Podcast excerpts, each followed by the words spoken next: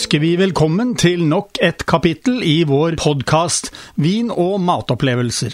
Som vi har gjort tidligere, vil vi tilby deg gode tips om mat og vin, ikke minst nyheter etter hvert som de kommer på Vinmonopolet. I tillegg til det vil vi ta spesielt for oss kombinasjoner av mat og drikke. Vær så god, det er servert.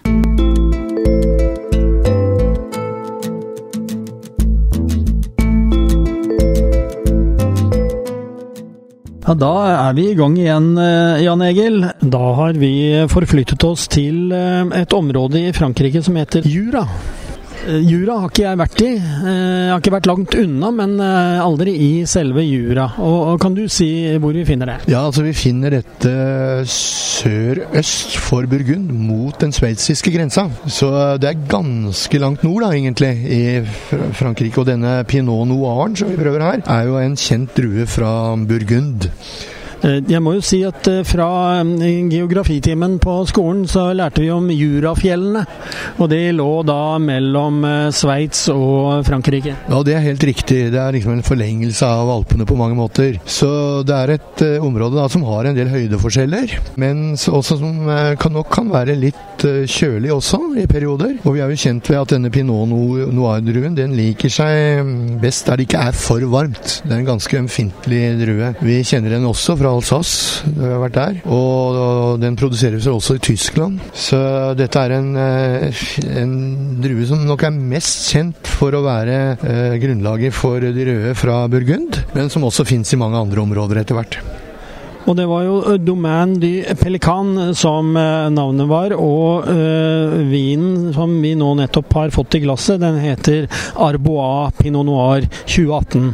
Yes, og det er en uh, staselig vin, dette her. Det gjenspeiler seg også i prisen, som er på 380 kroner. Den må bestilles på Vinmonopolet. Den fins ikke i standardsortimentet. Men Domaine du Pelican er ny, nytt bekjentskap for meg, sikkert for deg også. Ikke så veldig stor produsent, men um, produsenten har egentlig hovedbase nettopp i Burgund, uh, får vi vite her.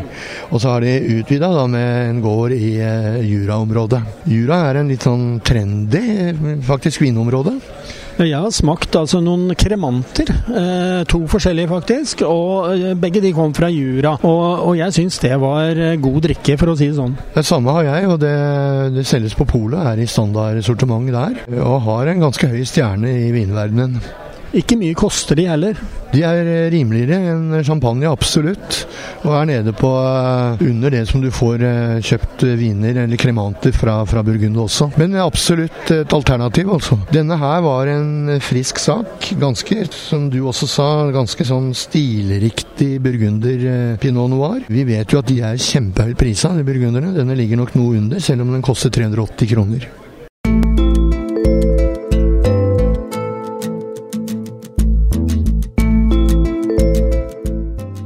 De fleste som setter pris på en god torskemiddag, tenker i retning av rødvin. Det er ikke noe galt i det, men det er ikke så mange andre enn oss som har en slik rødvinstradisjon.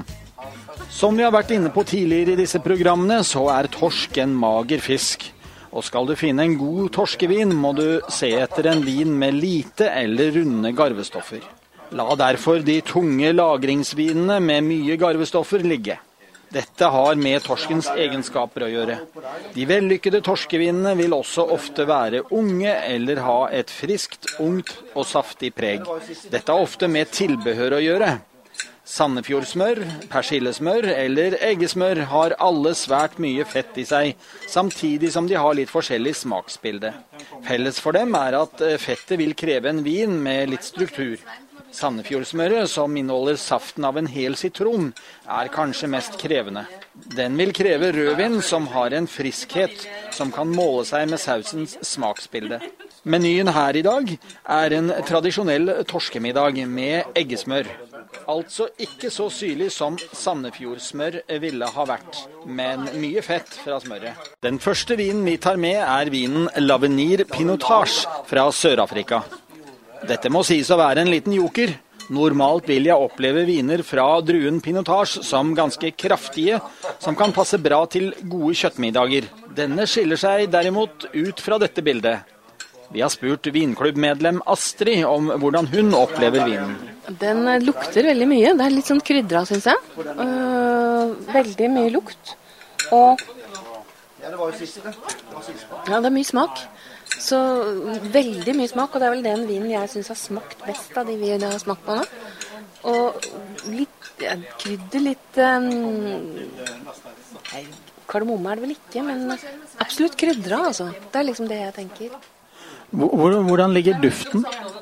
Ja, krydder Mye lukt. Mye Ja, mye lukt og, og ja, Nei, krydra. Krydra, syns jeg. Det neste vi tar med er operetta fra området Veneto i Italia. Den er for en stor del laget på den italienske corvina-druen, som ofte lager viner med lite garvestoffer. Altså et godt utgangspunkt for en torskevin. Vi har spurt vinklubbmedlem Sylvia om hvordan hun opplever denne vinen. Skal vi se. Den lukter litt sånn fruktig. Litt syrlig, kanskje. Ta en smak. Ja, litt, ja, litt syrlig. Litt sånn eh, sitrus eple. Eple, vil jeg kanskje si. Hvordan tror du denne vil passe til en torskemiddag? Perfekt. Veldig godt.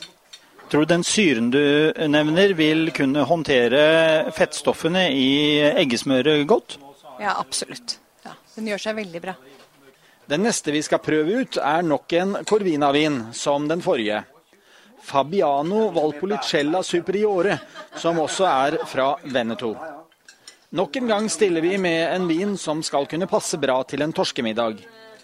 Vi spør Svein her hvordan han opplever vinen. Altså, Skal jeg være helt ærlig, så syns jeg kanskje at den um, snapper litt i etter, ettersmaken, faktisk. Altså, han, uh, hva skal en si, at den går ikke så godt som de andre vinene vi nå har prøvd til torskemiddagen. Det vil jeg si.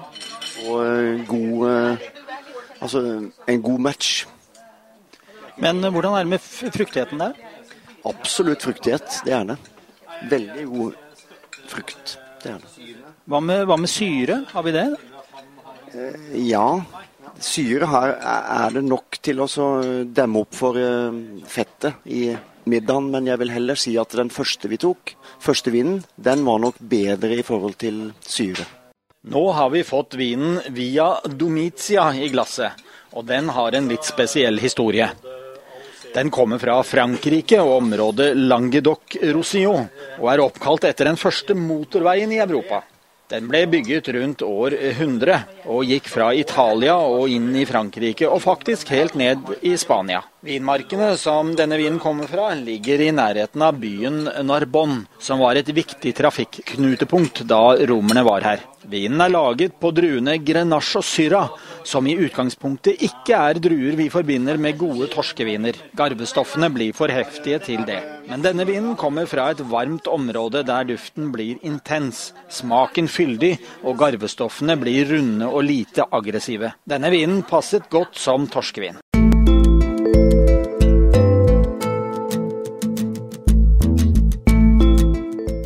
Da har du fått dagens podkast fra Radio Riks Oslo om mat og vin. Hvis du ønsker å abonnere på den, slik at du får den automatisk når nye blir lagt ut, kan du gjøre det. Lykke til! Kommende mandag får du neste kapittel. Vi høres!